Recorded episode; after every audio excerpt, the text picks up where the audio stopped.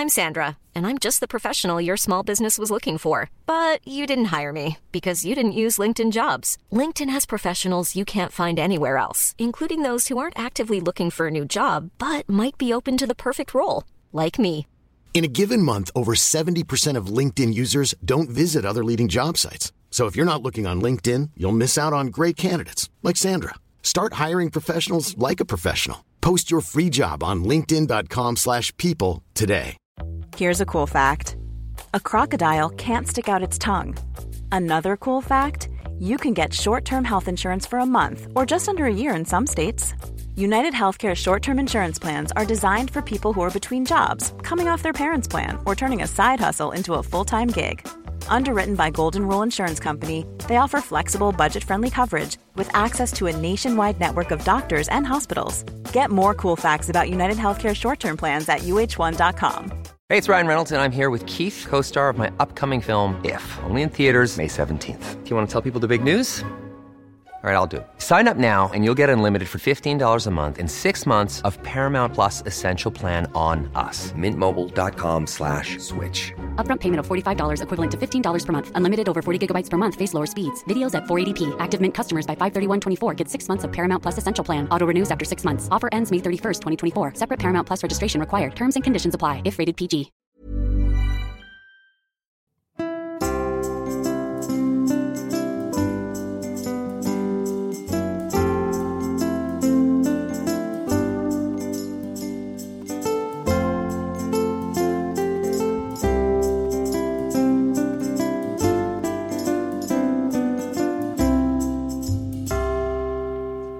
Borde egentligen titta ut genom fönstret, men det får du göra sen efteråt. Det är så vackert med hela havet utanför.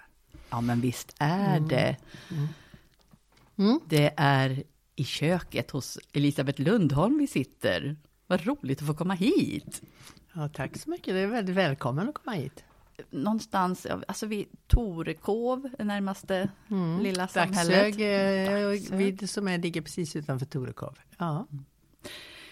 Jag har försökt kolla upp dig på Wikipedia, Elisabeth, men du var inte där. Nej, vad skönt. Varför är du inte där?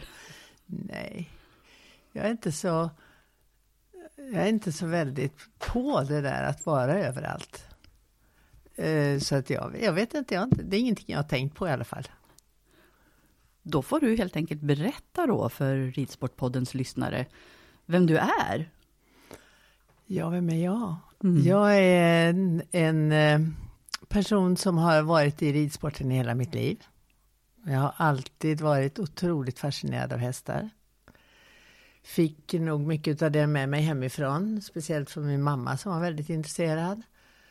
Och eh, ja, hela mitt liv har jag ägnat mig åt ridsport på olika sätt.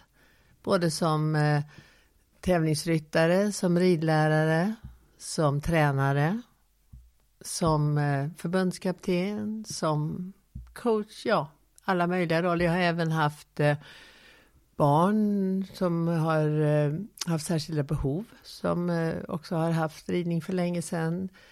Ja, det, det har varit alla, i alla möjliga former. Avelsdomare. Ja, mina föräldrar hade en liten uppfödning. Hade du något annat val än att komma in i hästvärlden? Jag ska säga att jag försökt två gånger att sluta. Men, Ja. Därför att jag tänkte så här att nej, jag får nog utbilda mig lite så att jag, det här blir svårt att leva på. Och eh, såg inte det riktigt. Många ser ju framför sig precis hur de vill staka ut sin framtid. Men jag tyckte att eh, ja, det här blir nog svårt. Men eh, det har, jag har kommit tillbaka varje gång. vad var det du försökte göra istället? Jag försökte läsa lite mer seriöst på universitetet. I- Och, eh, men eh, samtidigt då så hade jag passade på naturligtvis att ha träningar och rida själv och så vidare. Och till slut så tog det överhanden. Och den andra gången så eh, hjälpte jag min bror och min före detta man med agenturer inom ridsporten och så. Det var också väldigt roligt. Men det här med träning och hästar och så, och familj, det tog överhanden naturligtvis. Och så här lite, inte i backspegeln, det ska vi inte säga, men i alla fall, när du ändå tittar tillbaka.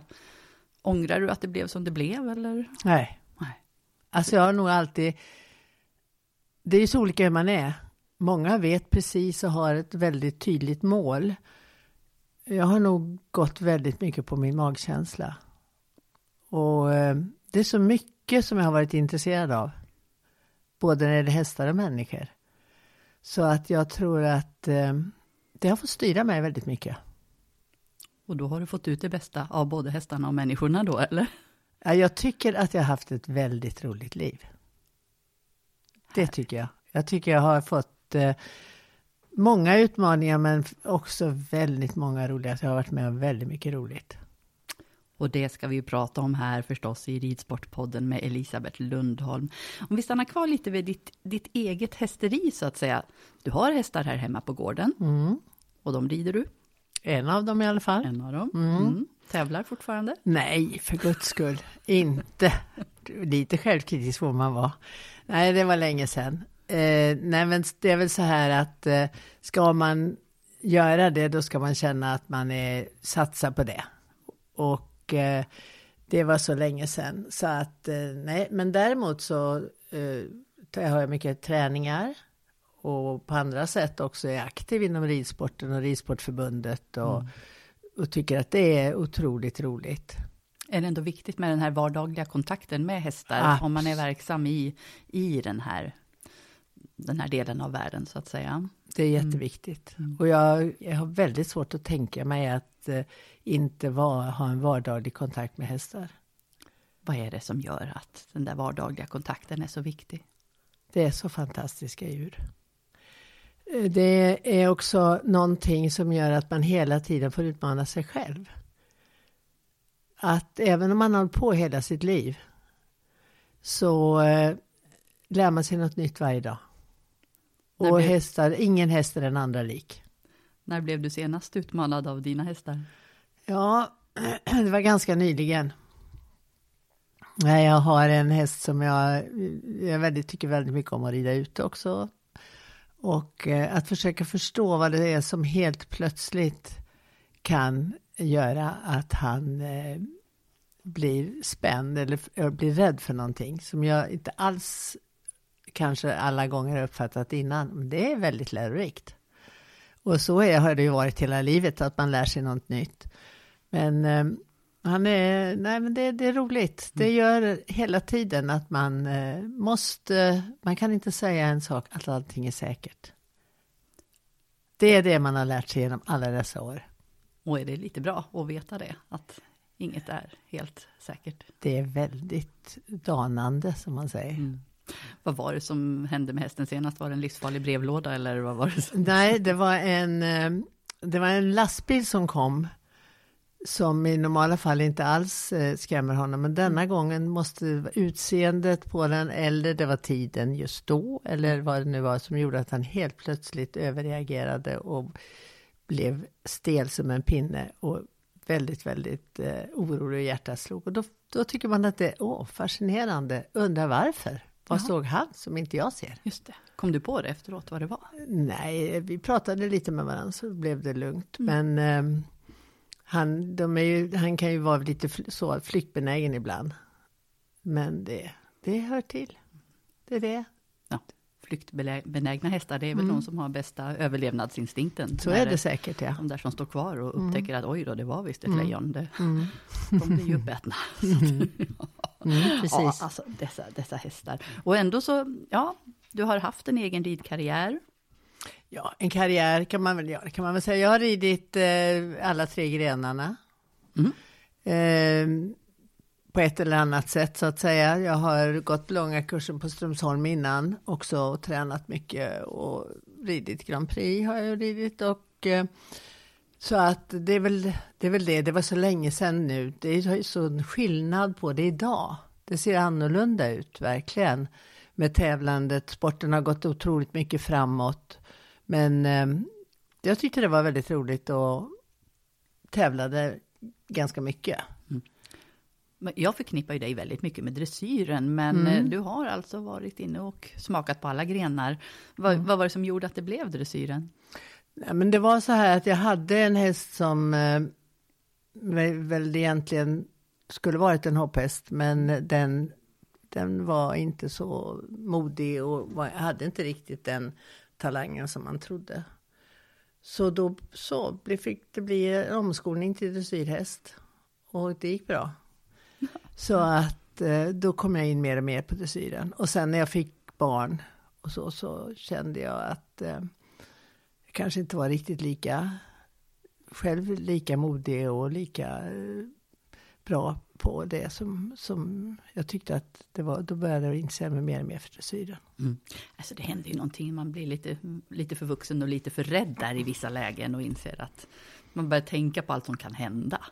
Framförallt att man inte är tillräckligt duktig. Alltså det är det som är viktigt. Man måste, man måste verkligen vara fokuserad och man måste göra, göra det här på riktigt allvar. Vill man komma någonstans i ridsporten så måste man verkligen satsa och verkligen förstå vilket hårt jobb det är. Och just då så var det väldigt många andra saker också som upptog mitt intresse. Så att eh, jag är väldigt glad för den tiden som eh, jag fick både när det gällde att tävla i dressyr och hoppning och även till viss del i fälttävlan. Men eh, man red ju även terrängritt på den tiden. Just det, som och en, enskilt moment. Enskilt moment, mm. ja. Och sen har man ju då dessutom, när man gick på Strömsholm fick man ju rida remontlöp. Man red löp på de här yngre hästarna man, som vi hade. Man, eh, ja, ja nej, men så att man har fått gjort väldigt mycket och det har varit väldigt roligt och lärorikt. Mm. Vad skulle hända om eh, remontlöpen, terränghoppningen, om man sa, ja men nu gör vi det idag. Skulle det ens vara tänkbart med dagens säkerhetstänk? Det är svårt för mig att svara på, men mm. jag tycker ju att eh, jag tycker att fälttävlan har en väldigt bra utbildningstrappa. Och jag tror att den allsidiga träningen som de första stadierna där bjuder på att eh, både lära sig rida i tempo, att lära sig att testa få gå fram, eh, hoppa små stockar, gå genom vatten och så vidare. Jag tror att det är en jättebra allsidig eh, utbildning i början innan man specialiserar sig för mycket. Men idag har vi så, vi har så avlat så mycket på specialgrenar, men jag tror ändå att den här allsidigheten som finns med det är väldigt, väldigt, väldigt bra. Mm. Nyttig för hästarna. Nyttigt för ryttarna. Nyttigt för ryttarna, jag tänkte det. För ibland kan man ju tänka att, alltså, vi, vi tänker så mycket säkerhet så att ibland så vågar man inte låta ryttarna, barnen, unga ryttare prova riktigt. Och kanske testa sina gränser på samma sätt som vi gjorde får jag säga. Jag också började rida på 70-talet. Och det var ju lite mer, ge dig ut i skogen med ponnyn och förhoppningsvis kommer ni hem tillsammans eller så gör ni inte det. Mm.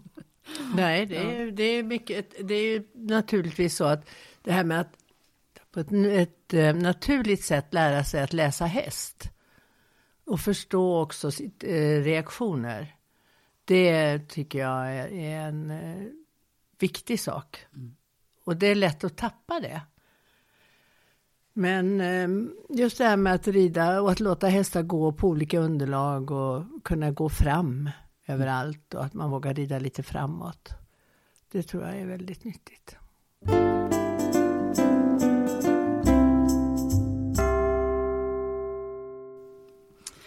Ja, Elisabeth Lundholm, här sitter vi i ditt kök en sån fantastiskt strålande vinterdag. Jag trodde knappt sådana fanns här i Skåne, men det gör de.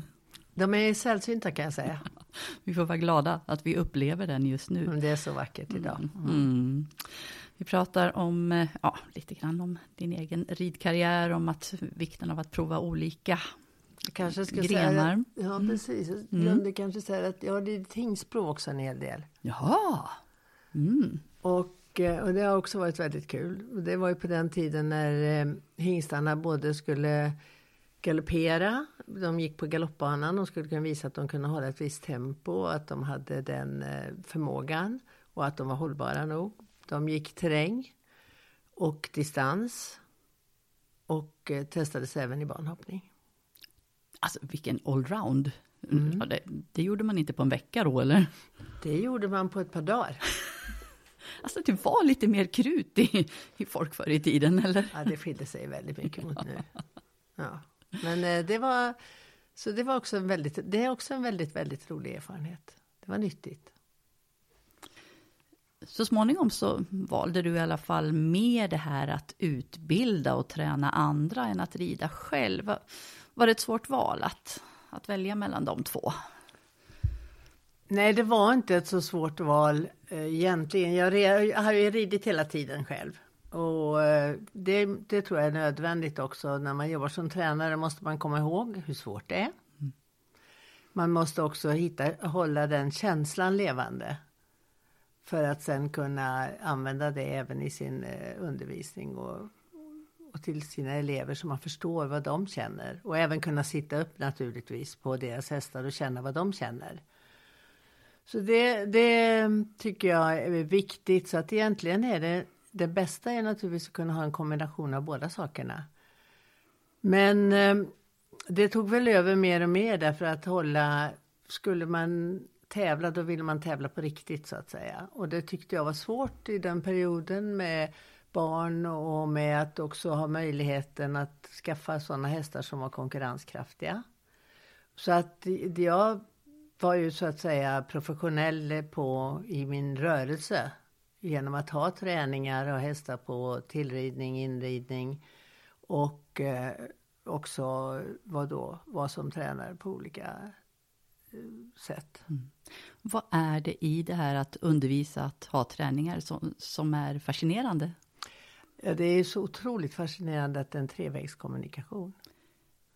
Tre parter. Du kan mm. ju påverka du kan påverka hästen med ditt kroppsspråk och med din, det du handleder så att säga. För att ryttaren ska få uppleva en känsla.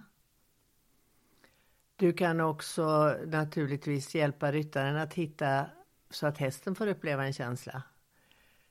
Så att, ehm, och, det här att hitta ett sätt där man förstår varandra och där man ändå kommer ihåg att eh, man är där som, som hjälp till ryttaren och hästen. Det är inte att bara styra utan det är, det är ett samarbete. Mm. Och man måste liksom börja där den aktiva eller där eleven är och där hästen är. Och så att man hittar ett förhållningssätt som gör att man försöker nå fram så mycket som möjligt. Och det är, en, det är så spännande. Det spelar ingen roll vilken nivå det är. Det har ingen betydelse. Det viktiga är att man kan försöka hjälpa någon att komma vidare. Menar du att du lika gärna hjälper en ponnyryttare vidare som en som är på väg mot Grand Prix? Eller hur tänker du där ja, om du får välja? Alltså för mig är det mera det är delen utav att försöka hitta en kombination utav eh, vad ska jag säga, att hitta, en, hitta ett sätt att kunna hjälpa någon oavsett var de är. Det är ju, jag är ju, ska ju vara professionell i min mm. utövning. Och då har det ju ingen betydelse. Då, måste jag ju förstå vad den personen är som jag ska hjälpa. Och sen eh, försöka det. Mm. Och då, jag tycker inte att, det är klart att det, det är väldigt roligt att hjälpa dem som verkligen satsar. Och som verkligen har en idé. De behöver inte vara, det behöver inte vara att de tävlar, satsar på att tävla i en, i en svårare klass. Men det, det ska finnas en idé vad de vill åstadkomma och att de är beredda att göra det jobbet. Och sen framförallt att de är, har en känsla för sin häst. Okay. Det är väl det viktigaste. Mm. Det pratas ju jättemycket om att ryttare ska sätta mål med sin ridning och med sitt tävlande och lägga upp en plan för mm. året. Och så. Är det viktigt? Absolut. Varför då? Ja, det är viktigt ur många aspekter. Men det, för det första är det viktigt om man tänker på det team, om man tänker på teamet som är runt, runt ryttaren och hästen. Så är det viktigt att man ser, förstår vil, vilket mål ryttaren vill uppnå. Att man tillsammans kan prata om det och komma fram till hur ska vägen dit se ut? Mm. Hur vill vi att den ska se ut? Och hur ska upplägget vara? Så att det finns en plan. Och det är också viktigt för hästen. Att den också finns med i hela, man tänker hela tiden på att hästen ska klara av det här. Den ska ha de fysiska förutsättningarna. Den ska vara uppbyggd på ett sätt både när det gäller styrka, kondition och smidighet för det den ska göra. Så man gör en, en klar analys av vad det är man vill göra och vad man vill uppnå. Och sen får man ju ha en handlingsplan efter det. Sen behöver den kanske ändras under mm. vägens gång och man får stämma av med jämna mellanrum. Ja, för vad händer om en ryttare kommer och säger att jag har det här jättehöga målet, eller som du upplever väldigt högt, och du inser att ja, men, det, är inte, det är inte uppnåeligt för den här ryttaren inom, inom känd tid, så att säga. Vad gör du då? Men det viktigaste är, den aktiva eller ryttaren måste ju alltid vara den som tar ansvar för sin utveckling. Men jag som tränare vill ju vara behjälplig och använda min kunskap för att den här ryttaren ska nå sitt mål. Men om jag inser att målet inte är realistiskt, då måste jag ta en diskussion med ryttaren och säga att jag ser kanske inte riktigt målet, åtminstone inte just nu. Utan kanske på lite längre sikt, så att man har en ärlig kommunikation. Och hur många tränare vågar vara så ärliga? Jag tror att, alltså där tror jag att det har blivit väldigt många som är professionella där. Det, därför att man känner ju själv att man, man vill inte heller vara frustrerad. Man vill inte känna att man gör någonting som är för mycket för hästen. Framför allt. Man vill också känna att man har en bra dialog med ryttaren. Man kan inte ha en bra dialog med alla människor för det beror ju väldigt mycket på hur man är. Och att man inte är orolig för att om man inte funkar hundra med varandra, att vara, våga vara ärlig och säga att kanske är det någon annan som kan hjälpa dig ännu bättre. Mm. Har du fått göra det? Ja, det har jag gjort. Mm. Och hur togs det emot?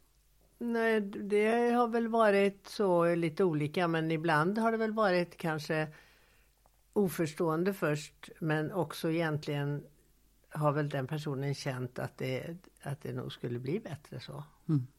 Och kanske uppskattar ens ärlighet istället. För det är ju som med oss människor, vi, vi funkar ju inte med alla. Nej, och det kanske är lika bra att vara tydlig med det också. Jag tror det är ärligt, kämpa. tycker jag. Mm. Och det också, ingår också i att vara professionell. Mm. Att inte det egna jaget så att säga får stå i vägen för det. Mm. Du har ju spelat en jättestor roll när det gäller just tränarutbildning och arbetet med, med tränare inom Svenska Ridsportförbundet. Vad är det som har drivit dig i det? Jag tror att det är att jag tycker att det är så viktigt och så roligt och, och att så många arbetar ensamma. De brinner så mycket för det här. Om jag sett, talar ur tränarperspektivet så är det ju Alltså vi har så många tränare ute i landet som sliter för att både ha sin egen verksamhet igång och för att hjälpa många andra med träning. Och de lägger också väldigt mycket engagemang i det här. Och kan man då ha en, en eh, kollegialitet, kan det heta så? Ja, mm, det var ett konstigt det absolut. ord, men i alla fall, det kanske inte är fel. Eh, det tror jag är viktigt. Jag tror just det här med att ibland träffas, prata om saker, få lite ny inspiration, lite ny kunskap. Eller få bekräfta sin kunskap. Det tror jag är jätteviktigt. För att det är också viktigt att kunna känna att, eh, att man är i ett sammanhang. Att man är en del i ja, något större precis. så att säga. Och mm. inte bara jag står här i mitt kalla ridhus och har de här eleverna. Utan ja, man ser helheten. Och det blir ju också ett, ett typ av ett mentorskap många gånger, ett informellt mentorskap när de som är väldigt erfarna kan också bolla med de som är lite mindre erfarna och som kan få känna lite trygghet av det. Och också öppna ögonen på oss som hållit på länge genom att det kanske kommer in lite nya sätt att se på saker och ting. Kan det komma nya bra idéer? Nej, det är inte särskilt mycket nytt på ridläran kanske, men, men på överhuvudtaget eh, sin egen, sin egen roll. Alla måste vi utveckla oss. Det spelar ingen roll var vi befinner oss i livet. Vi måste hela tiden känna att vi utvecklas för då får vi lust och motivation. När hände det senast att du tog det där, ja, något utvecklingssprång så att säga och insåg att jaha, kanske jag ska tänka på det här? Nej, men jag är just nu i den, i den delen, eh, mycket det här med hästvälfärden. Mm. Där tycker jag att eh, det finns mycket jag behöver utveckla i mitt tänk. Och eh, det, det tror jag man måste, hela, väldigt mycket med det här med att eh, det går så fort idag allting. Och det är inte så förr när alla hängde i stallet och man hade ett naturligt sätt att umgås och också lära sig hästkunskapen, lämna över kunskapen och så. Att förstå idag att det är annorlunda. Det är, det är inte riktigt så att man måste då anpassa sitt sätt att eh, vara som eh, tränare och ledare, att försöka få med så mycket kunskap som möjligt. Exempelvis att man kanske diskuterar vad är hästens eh, normaltemp eller hur mycket vatten dricker hästen om dagen eller man lämnar med två eller tre frågor hem mm. som man kan diskutera tillsammans. Sånt där som vi fick med oss, vi som gjorde våra limpmackor på morgonen och tog med bojen och hängde i stallet hela dagen.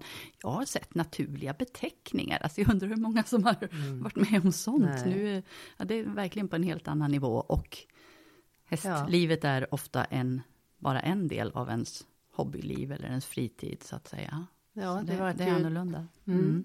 Verkligen.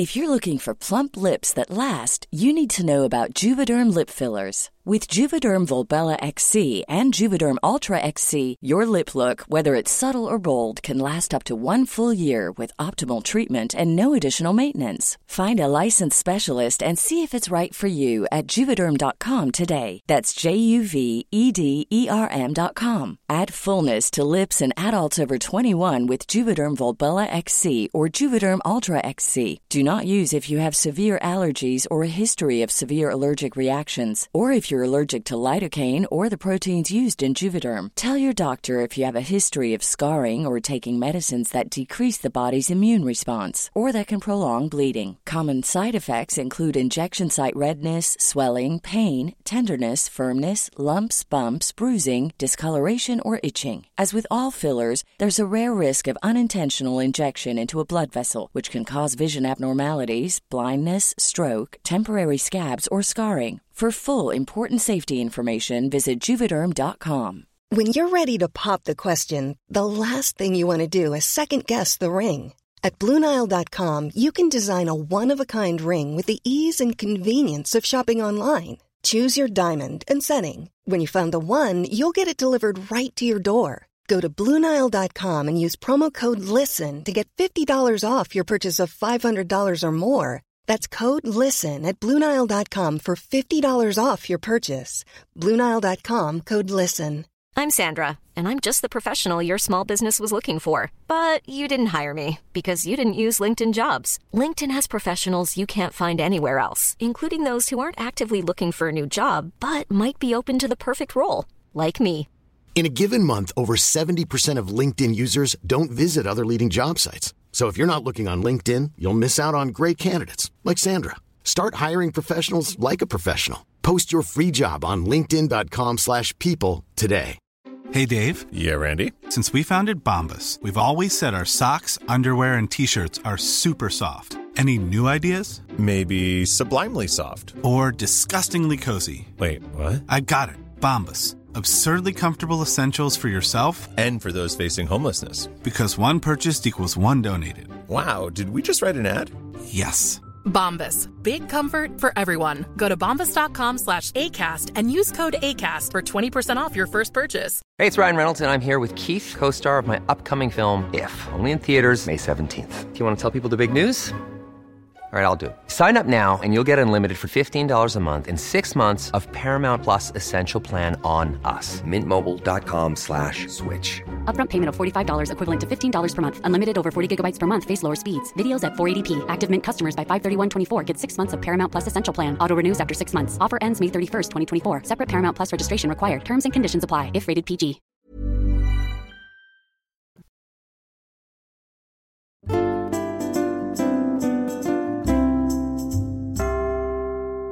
Hästvälfärd nämnde du som mm. Eh, någonting som du tänker mycket på just nu, Elisabeth Lundholm. Och eh, ja, om vi tar det här med dressyrens utveckling, där pratas det mer och mer hästvälfärd. Hur långt har vi kommit när det gäller dressyr och hästvälfärd? Långt. Vad är de stora tycker vinsterna? Jag. jag tycker att det, har, eh, det finns alltid mer att göra i mm. alla grenar vill jag säga. Det är inte bara dressyren, men fokus har ju varit på dressyren ett tag. Men där tycker jag verkligen att dressyren har, eh, har alla tänk, försöker verkligen att, att ut, utveckla sitt tänkande. Och jag tycker att det är så stor skillnad om bara om jag jämför eh, en tid tillbaka så ser man ju idag mycket mer harmonisk ridning. Men eh, sen, sen, så vill jag inte säga att det är perfekt. Det finns fortfarande massor att göra. Mycket mera att man har hästar som, som är talanger för det man vill att de ska kunna utföra.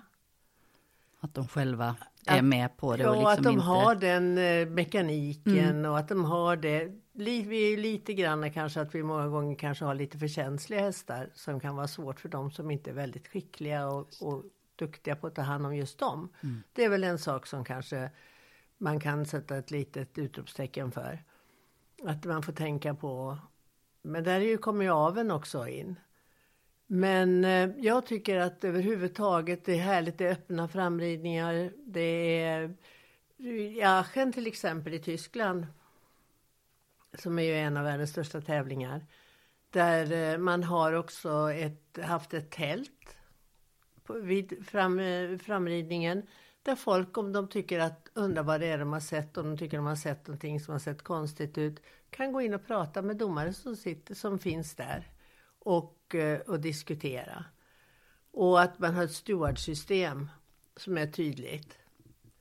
Så att eh, sen finns det alltid de som tycker Alltså som har olika tyckanden naturligtvis om, om hur hästarna ska gå och hur det ska vara och så vidare. Men jag, tror, jag, tycker att, jag tycker att det har hänt jättemycket. Och diskussionen och debatten är också viktig.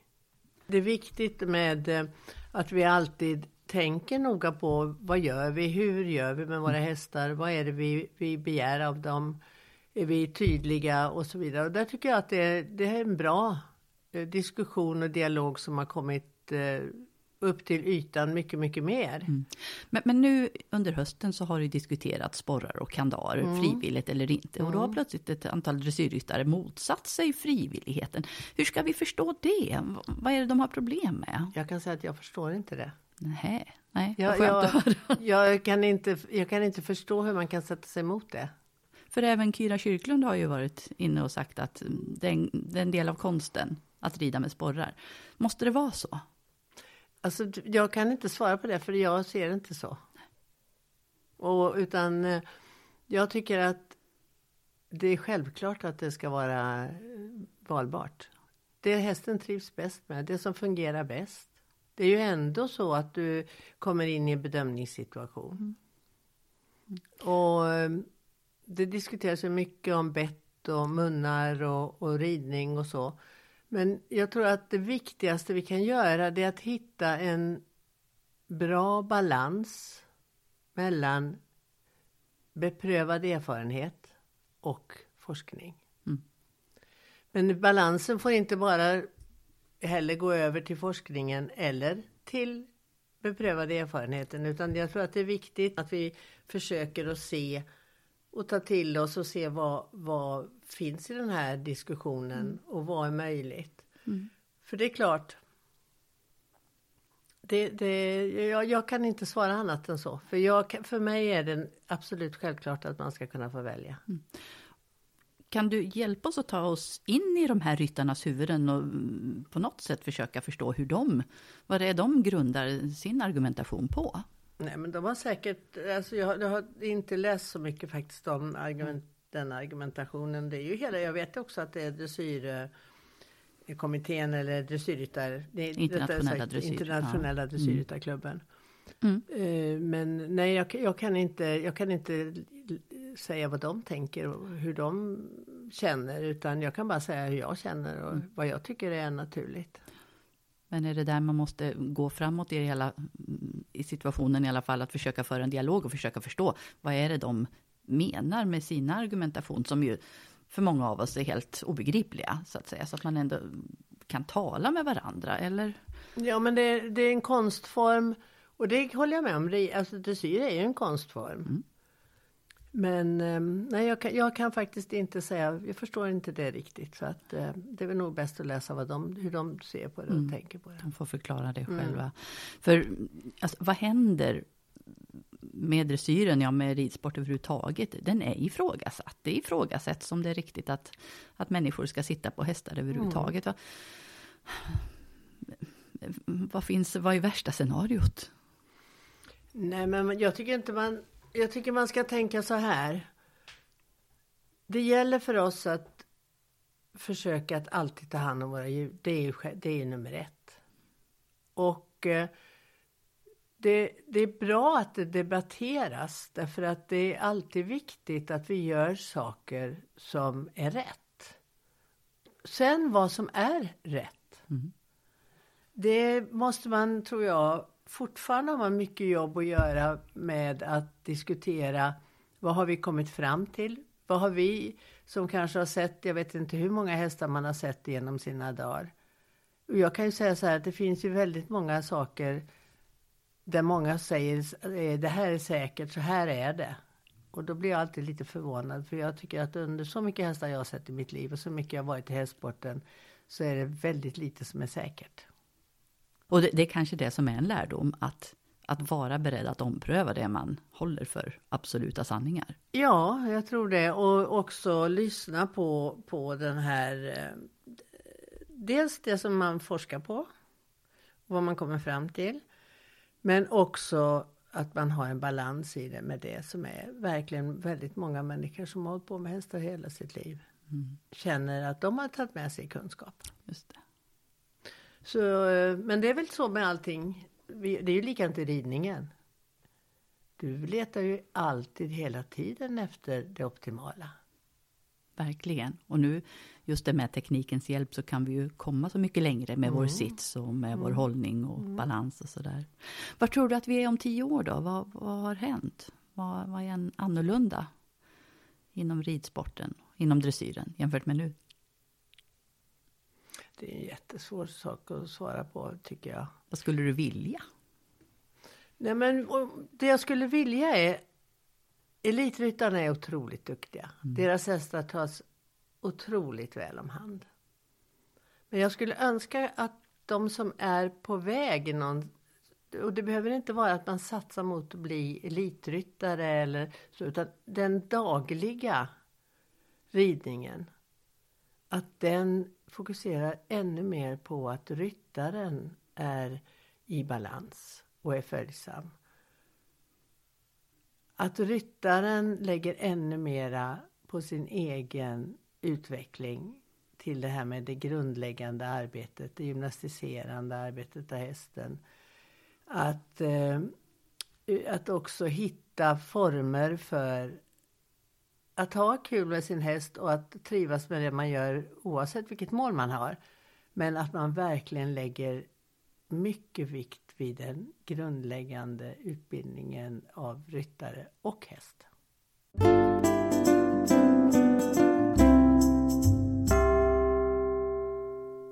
Elisabeth Lundholm med en ja, meritlista längre än det här köksbordet nästan tror jag hemma i Torekov där vi sitter och pratar. Bland annat så har du ju då varit förbundskapten för dressyr.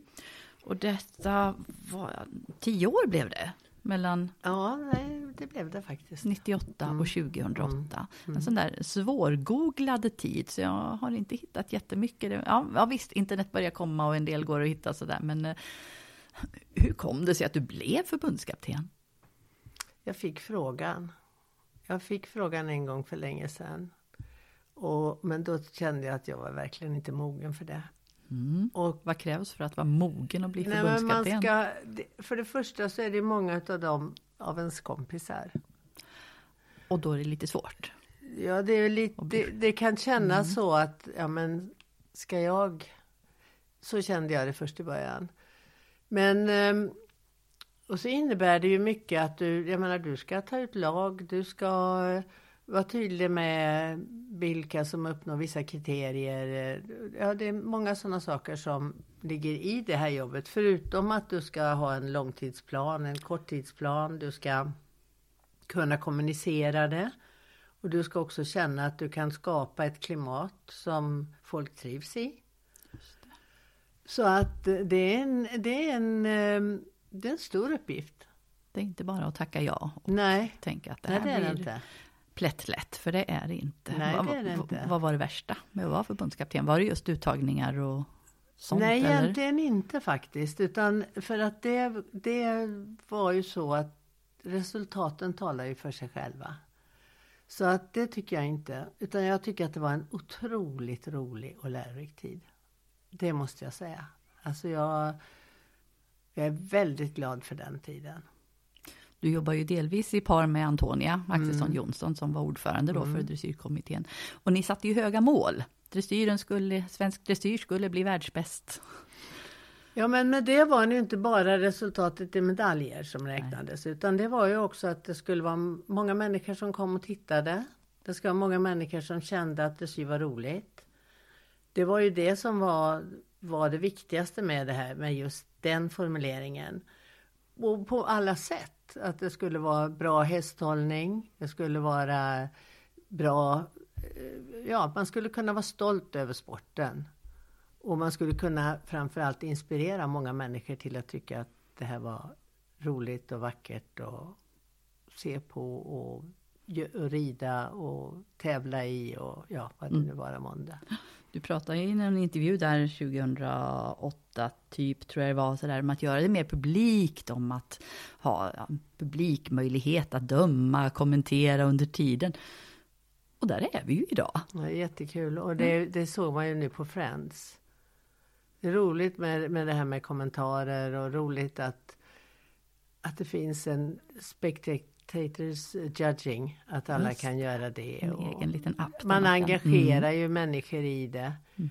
Så det känns jättekul. Och det, det, det är det jag tycker också är en sån viktig sak som har hänt inom dressyren. Och många ungdomar kommer mycket tack vare de här eh, nya tävlingarna som är för unga, hästar och unga ryttare som börjar i Grand Prix till exempel. Och att det finns, vi har eh, både Children, vi har juniorer, Young Rider. Vi har eh, många olika saker. Det finns ju de som kan åka på sina programträningar. Många fler eh, domare som har programträningar där folk får träna på att tävla helt enkelt. Ni lanserade ju ett koncept där också då, 2000. 2008 eller kanske tidigare, jag vet inte när det var, men det här ryttartest. Mm, det är någonting som, som kommer, eh, kommer från Tyskland egentligen. Och som många har, har pratat om tidigare innan också. Och så har vi väl inte riktigt kommit till skott med det för det har inte blivit eh, så populärt som vi hade hoppats att det skulle bli egentligen. Vad, vad går det ut på? Hur, Alltså hur det, till? ryttartestet, ut, det kan man vara så att man kan rida flera stycken, fyra stycken till exempel på en gång och så bedöms eh, sits och inverkan framför allt. Och då kan man ju också ha, göra på det sättet till exempel att man har hästar, hästarna behöver inte ha jättemycket gångarter. Utan de bedöms likadant, utan det är ridningen som bedöms. Och sen eh, finns det då dressyrryttartest. Det är då rider man en och en. Och i ett, eh, ett, ett ganska kort program. Och så har man då lagt upp det med rörelser just som testar in, inverkan hos ryttaren. Och sits och följsamhet, korrekt sits, bra följsamhet och balans. Och, och sen så är det då bedömning på det. Mm. Vad beror det på att det inte har slagit igenom? Jag vet egentligen inte riktigt. Eh, många, det är lite märkligt för många pratar hela tiden om hur viktigt det är med grundridning. Och det här är i allra högsta grad grundridning. Så att eh, det, på en del ställen har, har de varit väldigt duktiga och fått det att slå igenom, absolut. I Sverige på olika ställen, man har haft det i division 3 tror jag också. Mm. Eh, så att absolut, det är många som har försökt att göra det och som, som har det med. Men det skulle kunna göras ännu mera. Ja, jag känner inte igen det alls från tävlingsvärlden. Nej. Så. Och det är synd för det skulle kunna, man, det skulle vara roligt om det, någon ville slå lite extra för det igen. Eftersom vi också pratar så mycket om grundridning. Mm.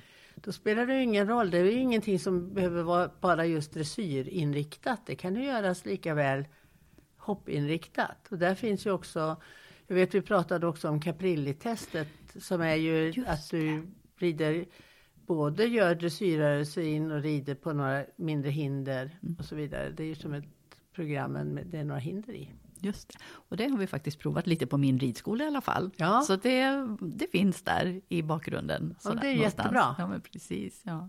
Hur är det med working equitation? Det är också lite blandning mellan olika grenar så och både Alltså jag kan och... för lite om det.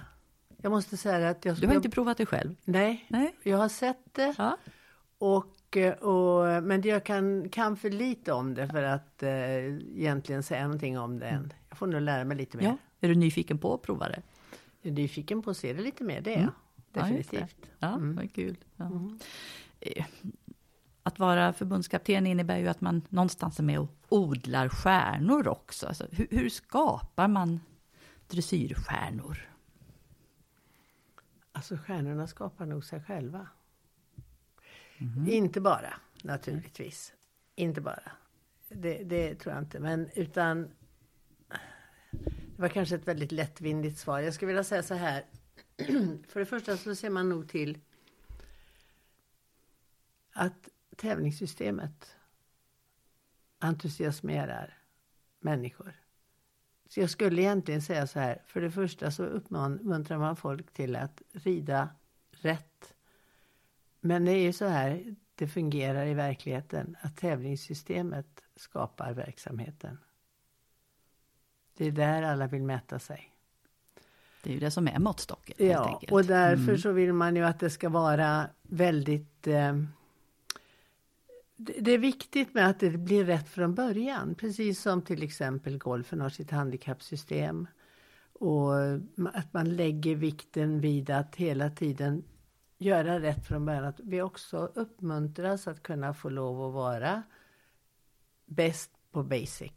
För det är bara genom att vara bäst på basic man blir bäst i världen. Den var bra. Har du kommit på den själv eller? Ja. Ja, i jättesnygg formulering. Det, det, det, det tror jag, för att jag har inte hört någon annan säga så, men det finns det säkert. Men det tycker jag är viktigt. Och eh, sen gäller det att kunna entusiasmera dem. Det är klart att alla har bråttom framåt. Det är också en drivkraft. Så att det gäller att hitta en balans där, att kunna få de som har bråttom framåt att också hela tiden förstå vikten av att göra det optimalt. Att den grunden i ridningen, oavsett vilken disciplin man rider, det är ju samma i fälttävlan, det är samma i dressyr, det är samma i hoppning. Att det är genom att vara bäst på grunden som man blir bäst. Och det predikar ju också alla våra stjärnor som kommer och håller clinics och så. Så att det gäller ju för oss som är tränare. Och det gäller ju för, för eh, alla att vi har ett system som motiverar. Som, som gör att motivation och lusten eh, är stor för att Men- träna grundridningen. Men sen krävs det väl något mer, alltså den där talangen eller det där extra. Alltså, Ja, för att bli stjärna. För, ja, för att bli stjärna, alltså den där, den där magin. Eller ja, Alltså de riktiga, de stora stjärnorna om vi säger så. Det finns ju stjärnor i alla nivåer. Men de riktiga stjärnorna, de stora stjärnorna, våra elitryttare. Jag menar, de vittnar ju alla om noggrannhet, precision, hästkunskap och drivkraften att arbeta hårt för att nå sitt mål. just det. Så talangen är bra, men den är inte hela svaret. Det, det är en kombination skulle jag vilja säga. Det. Det, det kan ju vara världens talang, men kanske inte ha drivkraften och Nej, den, den disciplinen till, till att göra det som krävs för att bli riktigt bra. Mm. Så att, men har du båda delarna så är det naturligtvis en stor, stor chans. Mm. Det här med att svensk dressyr skulle bli bäst i världen, det var inte bara att vi skulle ta guldmedaljer på alla mästerskap och så, alltså, utan att överhuvudtaget göra dressyren bredare och mm, mer nå ut. Men hur långt ifrån är vi att svensk dressyr ligger i världstopp, alltså tävlingsmässigt? Svensk dressyr ligger i världstopp skulle jag vilja säga. Absolut. Fast vi får inte riktigt till det Nej, med det medaljerna. fattas lite. Mm. Det fattas den där lilla piken. Mm. Och den är väl naturligtvis kanske inte så liten alla gånger. Men... Nej, alltså nu, nu är det ju danskarna för hela slanten. Ja, så engelsmännen förstås, britterna. Men... Ja, men... eh, Och tyskarna. Men, ja, så är det ju.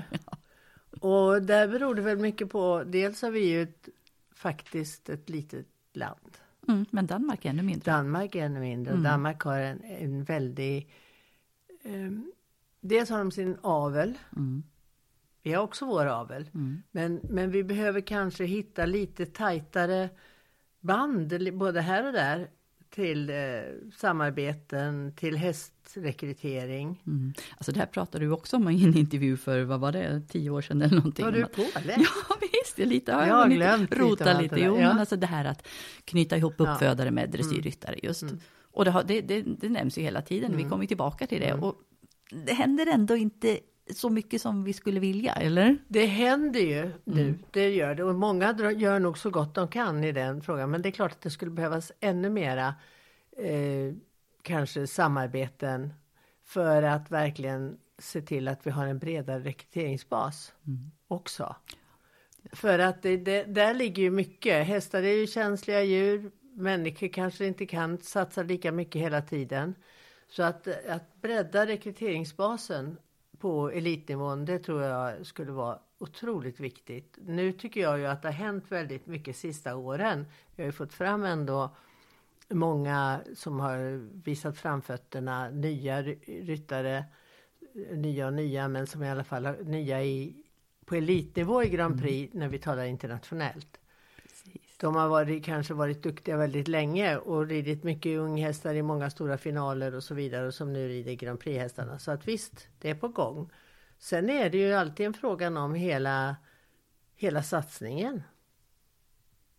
Att, att eh, det, det är både tävlingar, det handlar om att ha möjligheten att kunna ha träningen hela tiden. Att kunna ha sina team så att man verkligen kan eh, satsa fullt ut. Mm.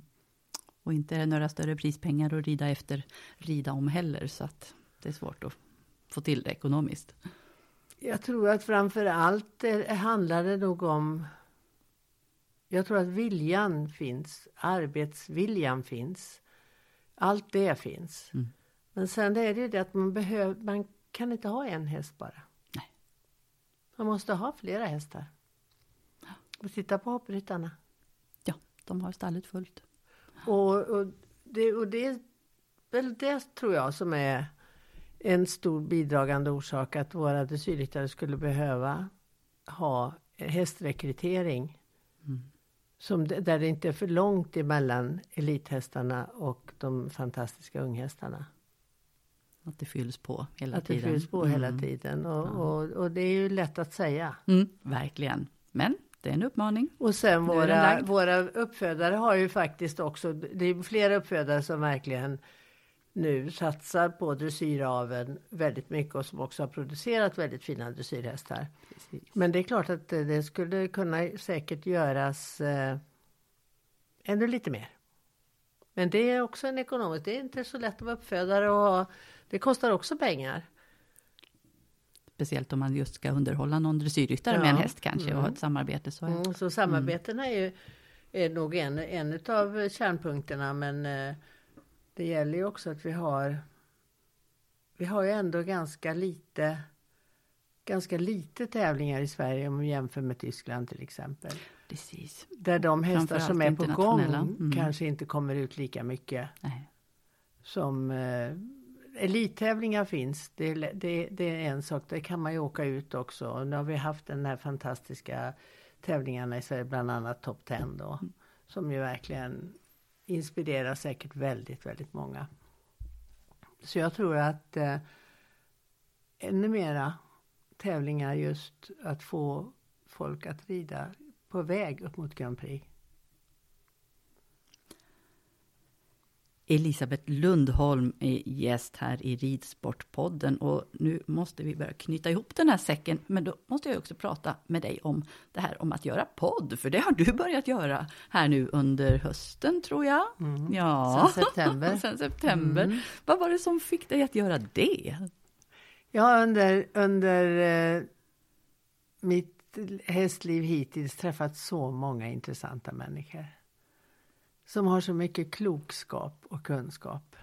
Och som jag alltid varit så fascinerad över och tänkt, var får de sin drive ifrån? Mm. Och, och, och in, nyfiken på hela historien och också vad de tänker om framtiden. Mm.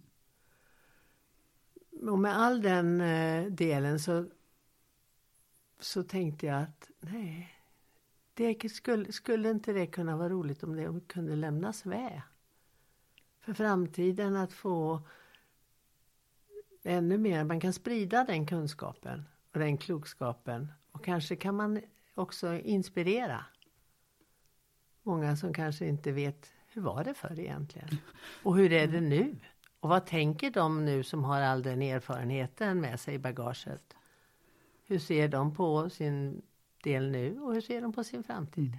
Så det är hästkarlar och hästkvinnor med rutin och erfarenhet som, som du kommer att intervjua och som Mm. du redan har börjat göra. Mm. Mm. Ja, så man ska upp, ha uppnått en viss ålder då för att vara med i podden. Nej, absolut inte.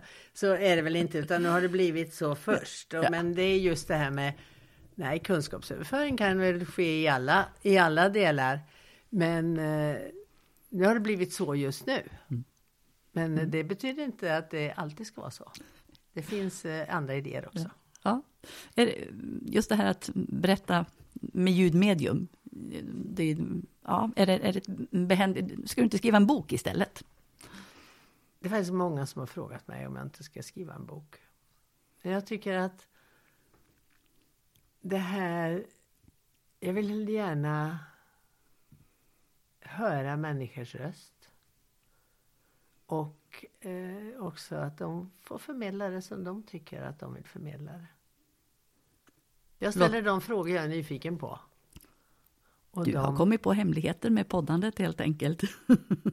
Nej, det tror jag inte. Jo, för det är ju det, det är ju precis det. Det är ju så otroligt givande att få göra en podd. Mm. Och få verkligen bara, ja, komma ner i en annan människas tankar.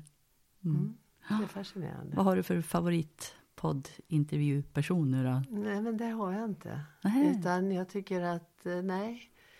Jag, skulle kunna, det är så många som har så mycket intressanta berättelser. Och eftersom jag har varit lite diversarbetare i ridsport så har jag träffat väldigt många människor från olika delar av ridsporten. Både, ja, alla grenar. Och alla olika sätt. Och det finns, eh, det finns så mycket. Det finns så mycket, mycket källor. Du är fortfarande nyfiken. Ja, Aha. Kommer det någonsin att ta slut? det hoppas jag inte. Jag hoppas jag kommer dö nyfiken. Elisabeth Lundholm, tack för att du ville vara med i Ridsportspodd. Tack för att jag fick vara med.